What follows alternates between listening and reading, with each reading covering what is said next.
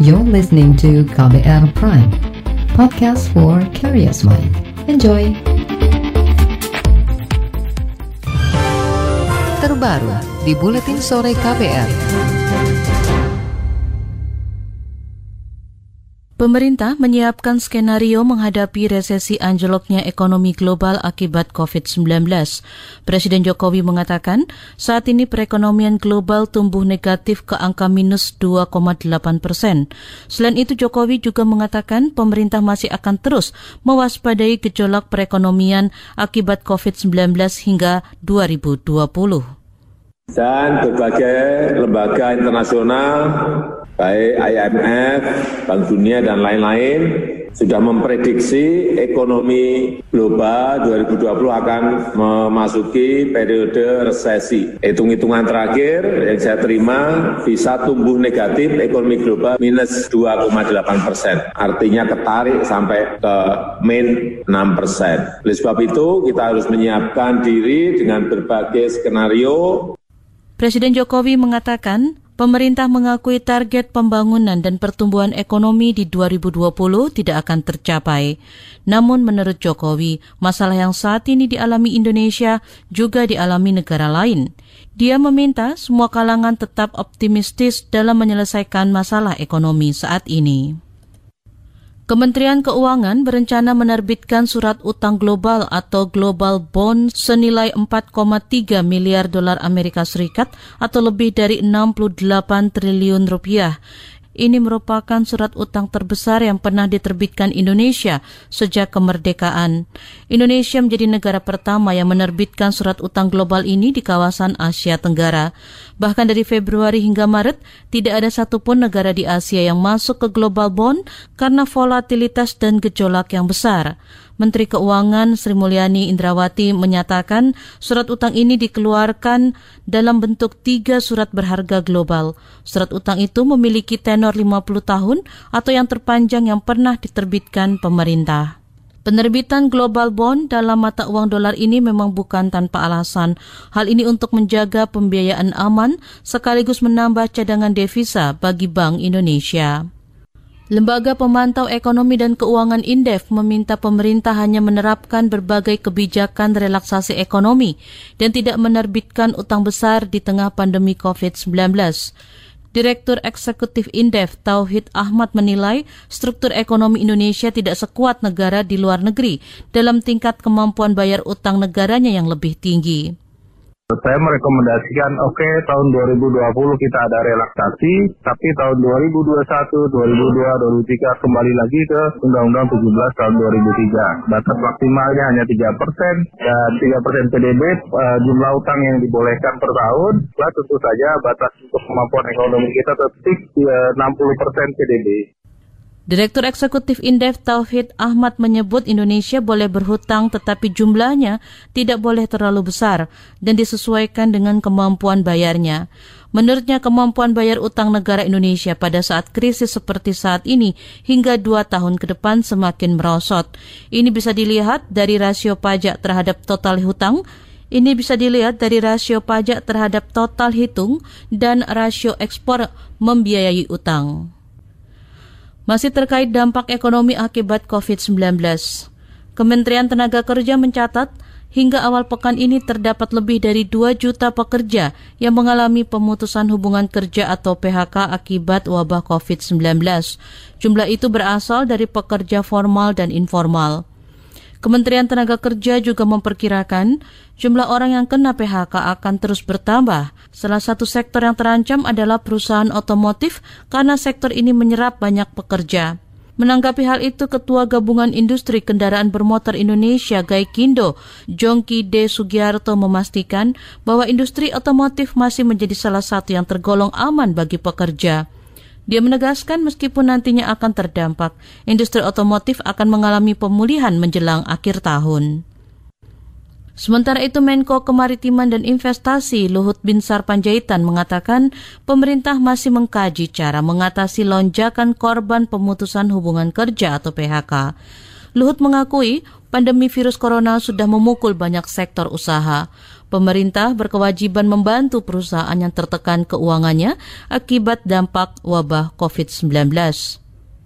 Ya kita pasti terjadi itu. Nah kita hanya mencoba menangani itu. Nah nanti kita pikir setelah ini nanti budget negara ini dengan Perpu ini mulai dikerjakan, sudah jalan. Bersamaan itu nanti kita lihat private sector. Apa pemerintah akan lakukan untuk membantu perusahaan-perusahaan itu misalnya supaya jangan lay off lagi, kita kasih kompensasi apa. Sedang dihitung dengan cermat angka-angka itu.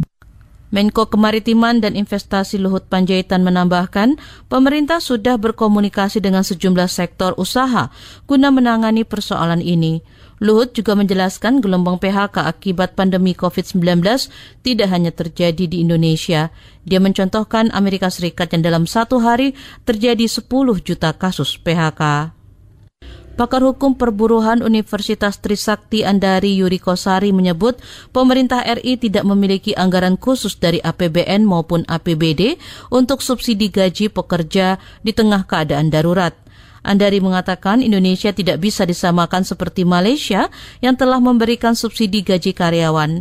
Menurutnya negara seperti Malaysia telah menganggarkan dana untuk keadaan darurat seperti saat ini. Jadi ketika ada pandemi ini, oh perlindungan ini tidak tidak ada dalam anggaran APBN maupun APBD, anggaran pendapatan belanja negara maupun anggaran pendapatan belanja daerah. Tidak ada dianggarkan untuk buruh. Kalau untuk pekerja sendiri dari pemerintah belum ada ya, seperti Anda katakan di Malaysia maupun di Singapura, eh, subsidi untuk pekerja yang terkena dampak COVID ini. Dan pekerja yang mana juga belum tahu apakah semua pekerja atau pekerja uh, pada level-level tertentu. Pengamat hukum perburuhan Andari Yuri Kosari meminta pemerintah tetap fokus terhadap pemberian subsidi dari jaring pengaman sosial kepada pekerja di masa pandemi COVID-19. Ini menjadi salah satu harapan pekerja di tengah sulitnya keadaan ekonomi. Jokowi minta percepatan bantuan UMKM terdampak COVID-19. Informasinya akan kami hadirkan seusai jeda, tetaplah di Buletin Sore KBR. You're listening to KBR Pride, podcast for curious mind. Enjoy!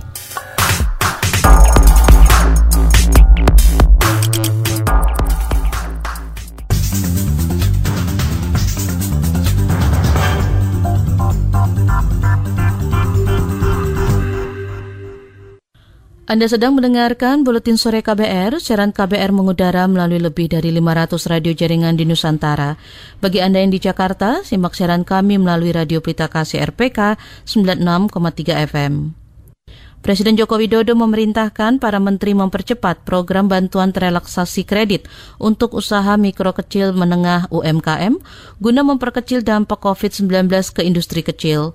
Bantuan itu antara lain berupa subsidi bunga, penundaan pembayaran pokok kredit, dan pemberian kredit tambahan. Dalam rangka mitigasi dampak COVID-19 terhadap usaha mikro, usaha kecil, usaha menengah, saya ingin menekankan beberapa hal. Yang pertama, mempercepat, jadi percepat eksekusi program relaksasi, restrukturisasi kredit bagi UMKM yang mengalami kesulitan. Presiden Joko Widodo juga meminta agar usaha kecil, sedang, dan menengah tetap diberi keleluasaan untuk tetap berproduksi dengan memperlakukan standar kesehatan yang ketat. Dia mengatakan selama masa pandemi COVID-19 sudah banyak UMKM yang kesulitan sehingga program bantuan kredit harus segera diberikan. Lembaga Biologi Molekuler Eichmann akan mengembangkan metode pengelolaan plasma darah untuk mengobati pasien yang terinfeksi COVID-19.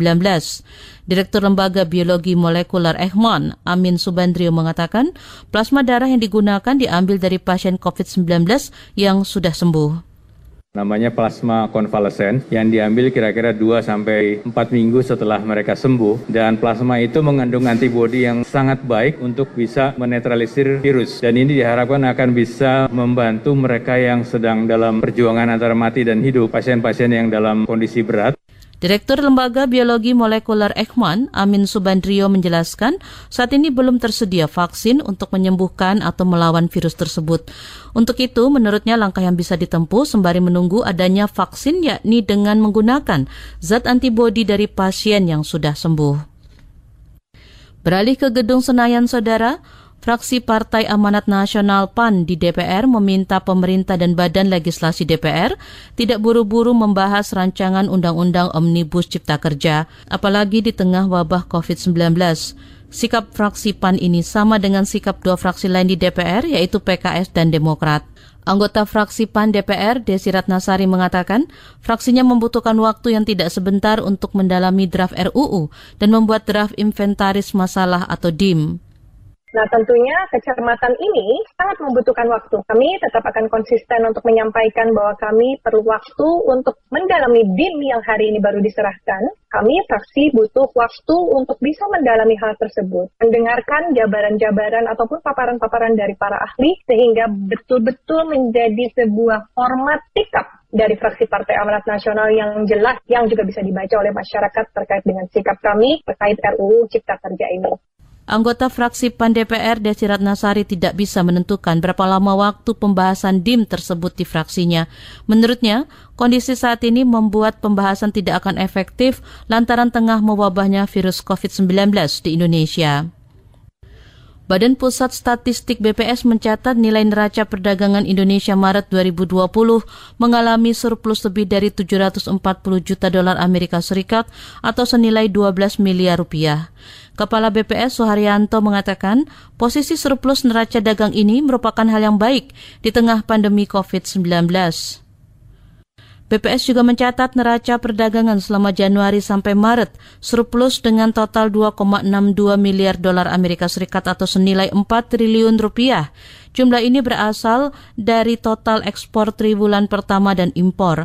Dia menambahkan posisi ini juga jauh lebih baik dibandingkan periode yang sama, yaitu Januari-Maret tahun 2019. Kita ke informasi mancanegara. Presiden Amerika Serikat Donald Trump menangguhkan dana untuk Organisasi Kesehatan Dunia WHO di tengah pandemi COVID-19. Amerika merupakan penyandang dana terbesar bagi WHO. Trump mengatakan WHO banyak melakukan kesalahan yang menyebabkan kematian ketika virus corona menyebar di seluruh dunia.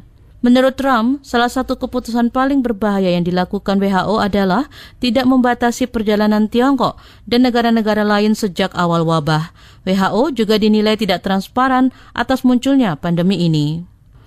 Laporan khas KBR tentang daur ulang limbah popok bayi terhenti karena pandemi akan hadir seusai jeda tetaplah di Buletin Sore KBR. You're listening to KBR Pride, podcast for curious mind. Enjoy!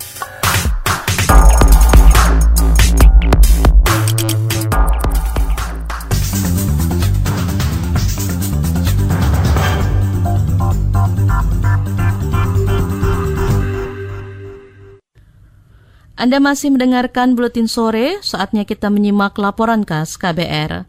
Pandemi COVID-19 mengganggu banyak aktivitas peduli lingkungan. Di Banyuwangi, Jawa Timur, kegiatan daur ulang popok bayi bekas terpaksa dihentikan sementara sampai wabah mereda. Padahal kegiatan ini ikut membantu mengurangi limbah popok bayi yang dibuang ke sungai. Jurnalis KBR Hermawan Arifianto menulis kisahnya dan dibacakan Dwi Renjani.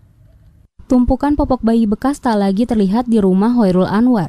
Warga Taman Baru Banyuwangi, Jawa Timur ini terpaksa menyetop kegiatan usaha daur ulang popok berkah sejak merebaknya wabah COVID-19. Kegiatan daur ulang popokku berkah sementara kami tutup sampai kita buka kembali setelah ada pemberitahuan dari pemerintah setempat untuk penurunan dari produksi yang jelas berdampak sekali buat kami. Praktis, seluruh saluran donasi popok bayi bekas juga ikut ditutup. Dulu, sebelum pandemi, Hoirul memperoleh bahan baku daur ulang dari sumbangan warga sekitar bahkan luar daerah. Kiriman popok bayi bekas itu kemudian diolah dan dijadikan beragam produk bermanfaat, mulai dari pupuk cair, kerajinan seperti pot bunga, asbak hingga alas beton atau paving block. Untuk donasi sudah tutup total. Kita hanya melanjutkan dari donasi yang kemarin-kemarin itu. Jadi uh, sisa-sisa donasi kemarin kita kerjakan. Nah ini tinggal apa finishing aja, cuman ngecat. Pokoknya mempercantik barang hasil daripada popokku berkah. Kini tidak ada lagi pemasukan dari usaha daur ulangnya Saat masih aktif beroperasi, Popoku Berkah mampu meraih omset sedikitnya 3 juta rupiah per bulan. Ia sekarang malah sibuk menggalang berbagai bantuan untuk warga terdampak COVID. Ke-10 relawan Popoku Berkah juga ikut dilibatkan dalam kegiatan ini. Jadi untuk sementara kegiatan Popoku Berkah menjadi relawan bagi-bagi sembako terhadap keluarga yang terdampak dari COVID-19. Usaha daur ulang Popoku Berkah didirikan Hoirul pada Agustus 2019. Hoirul gerah melihat limbah popok bayi bertebaran di kali-kali hingga pantai Muncar. Awalnya aku pas hmm. anakku juga pakai pampers. Kebetulan pas ono berita pisan komunitas itu gerbek sampah. Apa bener sih di sungai-sungai banyak? Aku terpaksa keliling di sungai. Hmm. Ternyata memang bener. Satu langkah popok, popok, popok. Selain mencemari, sampah popok juga menyumbat saluran air yang bisa menyebabkan banjir. Hoirul awalnya mengumpulkan sendiri limbah popok dengan menyusuri sungai atau mencari di tempat sampah. Lambat laun masyarakat tergerak untuk ikut menyumbang, meski tak jarang ada limbah popok dewasa diselipkan di dalamnya tiap donasi kan pasti tak foto tuh pak identifikasi juga nah, misalnya di dalam ini ada popok dewasa ya paling aku nanti negur sampean tapi ada juga yang. Sebelum pandemi melanda Hoirul kerap dibantu komunitas peduli limbah Taman Baru atau Komplit. Mereka mampu mengolah 200 limbah popok bayi per hari. Produk hasil daur ulang lantas dijual tanpa mematok harga. Warga bisa membayar sukarela sebagai donasi untuk kelestarian lingkungan. Di misi saya yang kedua, sumbangsinya donasinya itu 25% dari pembelian produk saya. Jadi tak buat beli Al-Qur'an Braille untuk teman-teman difabel. Vakumnya daur ulang popok bayi bekas dikhawatirkan berdampak pada peningkatan volume sampah. Pegiat lingkungan di Banyuwangi, Novian Dharma Putra mengatakan popok bekas yang sebelumnya disumbangkan bisa jadi kembali berakhir di sungai. Yang jelas ya akan berdampak lagi gitu kan ketika dia berhenti, otomatis yang pelanggan-pelanggan yang sering mengirim ini kan dia bingung lagi mau dibuang ke mana. Nah, bisa jadi dibuang oleh pemilik-pemilik popok ini mungkin ya dibuang di tempat sampah lagi dan bisa jadi ya mudah-mudahan tidak dibuang ke sungai gitu kan bisa jadi. Novian mengapresiasi inovasi Hoirul untuk mengatasi masalah popok bayi bekas. Jumlah sampah perharinya diperkirakan mencapai 2,4 juta menurut Gubernur Jawa Timur Kofifa Indar Parawansa beberapa waktu lalu. Namun, Novian memberi catatan soal jaminan keamanan produk daur ulang Popoku berkah bagi kesehatan – Pasalnya, sampah popok mengandung bakteri yang berbahaya. Sebenarnya kegiatan yang luar biasa gitu mas. Jarang-jarang orang ada seperti ini, tapi tetap kembali kepada prosedur bahwa kegiatan ini perlu dukungan dari beberapa pihak. Misalnya dari perizinan tadi dari DLH-nya, terus dari Dinkes gitu mas. Jadi ketika itu sudah kuat, harapan kami Mas Halil bisa terus berjalan karena ini ide yang sangat luar biasa sebenarnya. Cuman butuh pendampingan saja itu mas. Hoirul mengaku pernah berkonsultasi dengan Dinas Kesehatan maupun Dinas Lingkungan setempat soal keamanan produk daur ulangnya. Ia juga siap melakukan uji laboratorium. Namun hingga kini, Gayung tak bersambut. Hoirul tampaknya masih harus bersabar menanti wabah corona berlalu. Setidaknya pandemi COVID-19 ini berakhir dan keadaan seperti semula. Yang jelas kita sudah konsisten, kita tetap menjaga lingkungan setidaknya khususnya limbah popok. Jadi kita tetap berkreasi dengan limbah popok. Demikian saga jurnalis KBR Hermawan Arifianto, saya Dwi Renjani. Informasi dari daerah akan kami sajikan seusai jeda, tetaplah di Buletin Sore KBR. You're listening to KBR Pride, podcast for curious mind. Enjoy!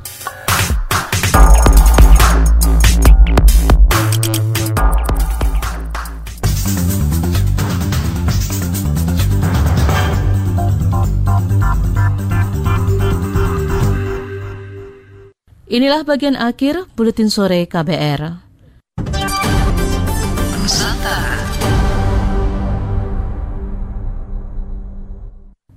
Kementerian Desa meminta pemerintah daerah memetakan desa yang masih produktif selama wabah COVID-19. Menteri Desa Abdul Halim Iskandar meminta pemerintah daerah memproteksi dan memfasilitasi agar kegiatan perekonomian desa tetap berjalan di tengah krisis saat pandemi COVID-19. Kabupaten hampir semua seluruh Indonesia sudah terdampak. Tetapi kalau desa insya Allah masih banyak kita temukan. Nah ini harus kita kita proteksi betul supaya mereka pada posisi yang uh, aman dan kalau ibarat sebuah keluarga kalau ada anaknya sakit ya harus kita perhatikan anaknya supaya segera sembuh. Tapi jangan lupa yang sehat juga harus diperhatikan. Nah kira-kira gitulah analogi. Menteri Desa Abdullah Halim Iskandar juga meminta upah bagi peserta program padat karya tunai desa diberikan setiap hari. Tahun ini pemerintah mengucurkan dana desa sebesar 72 triliun rupiah yang disalurkan dalam tiga tahap. Dana desa ini menjadi salah satu sumber program untuk padat karya tunai desa dalam menjamin ketahanan pangan warga di tengah pandemi COVID-19.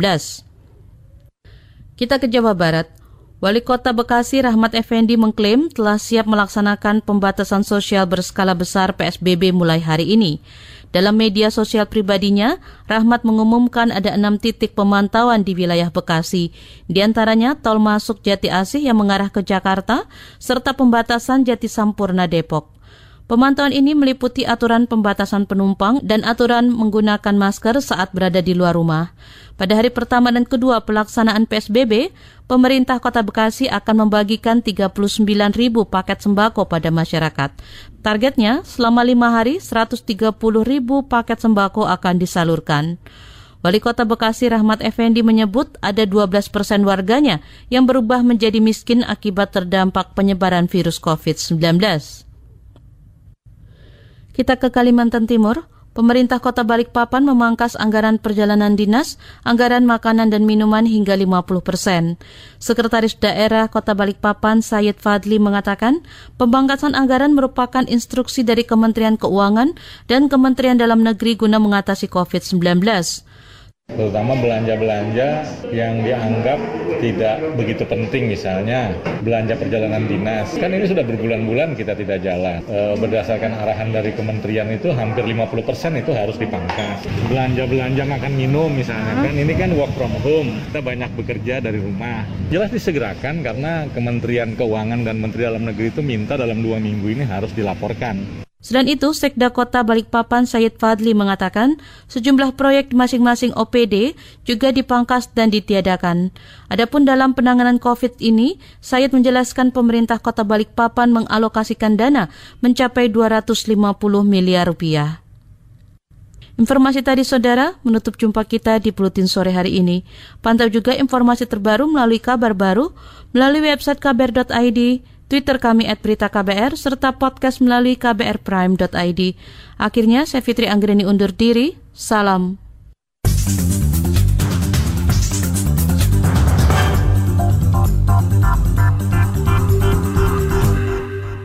KBR Prime, cara asik mendengar berita. KBR Prime, podcast for curious mind.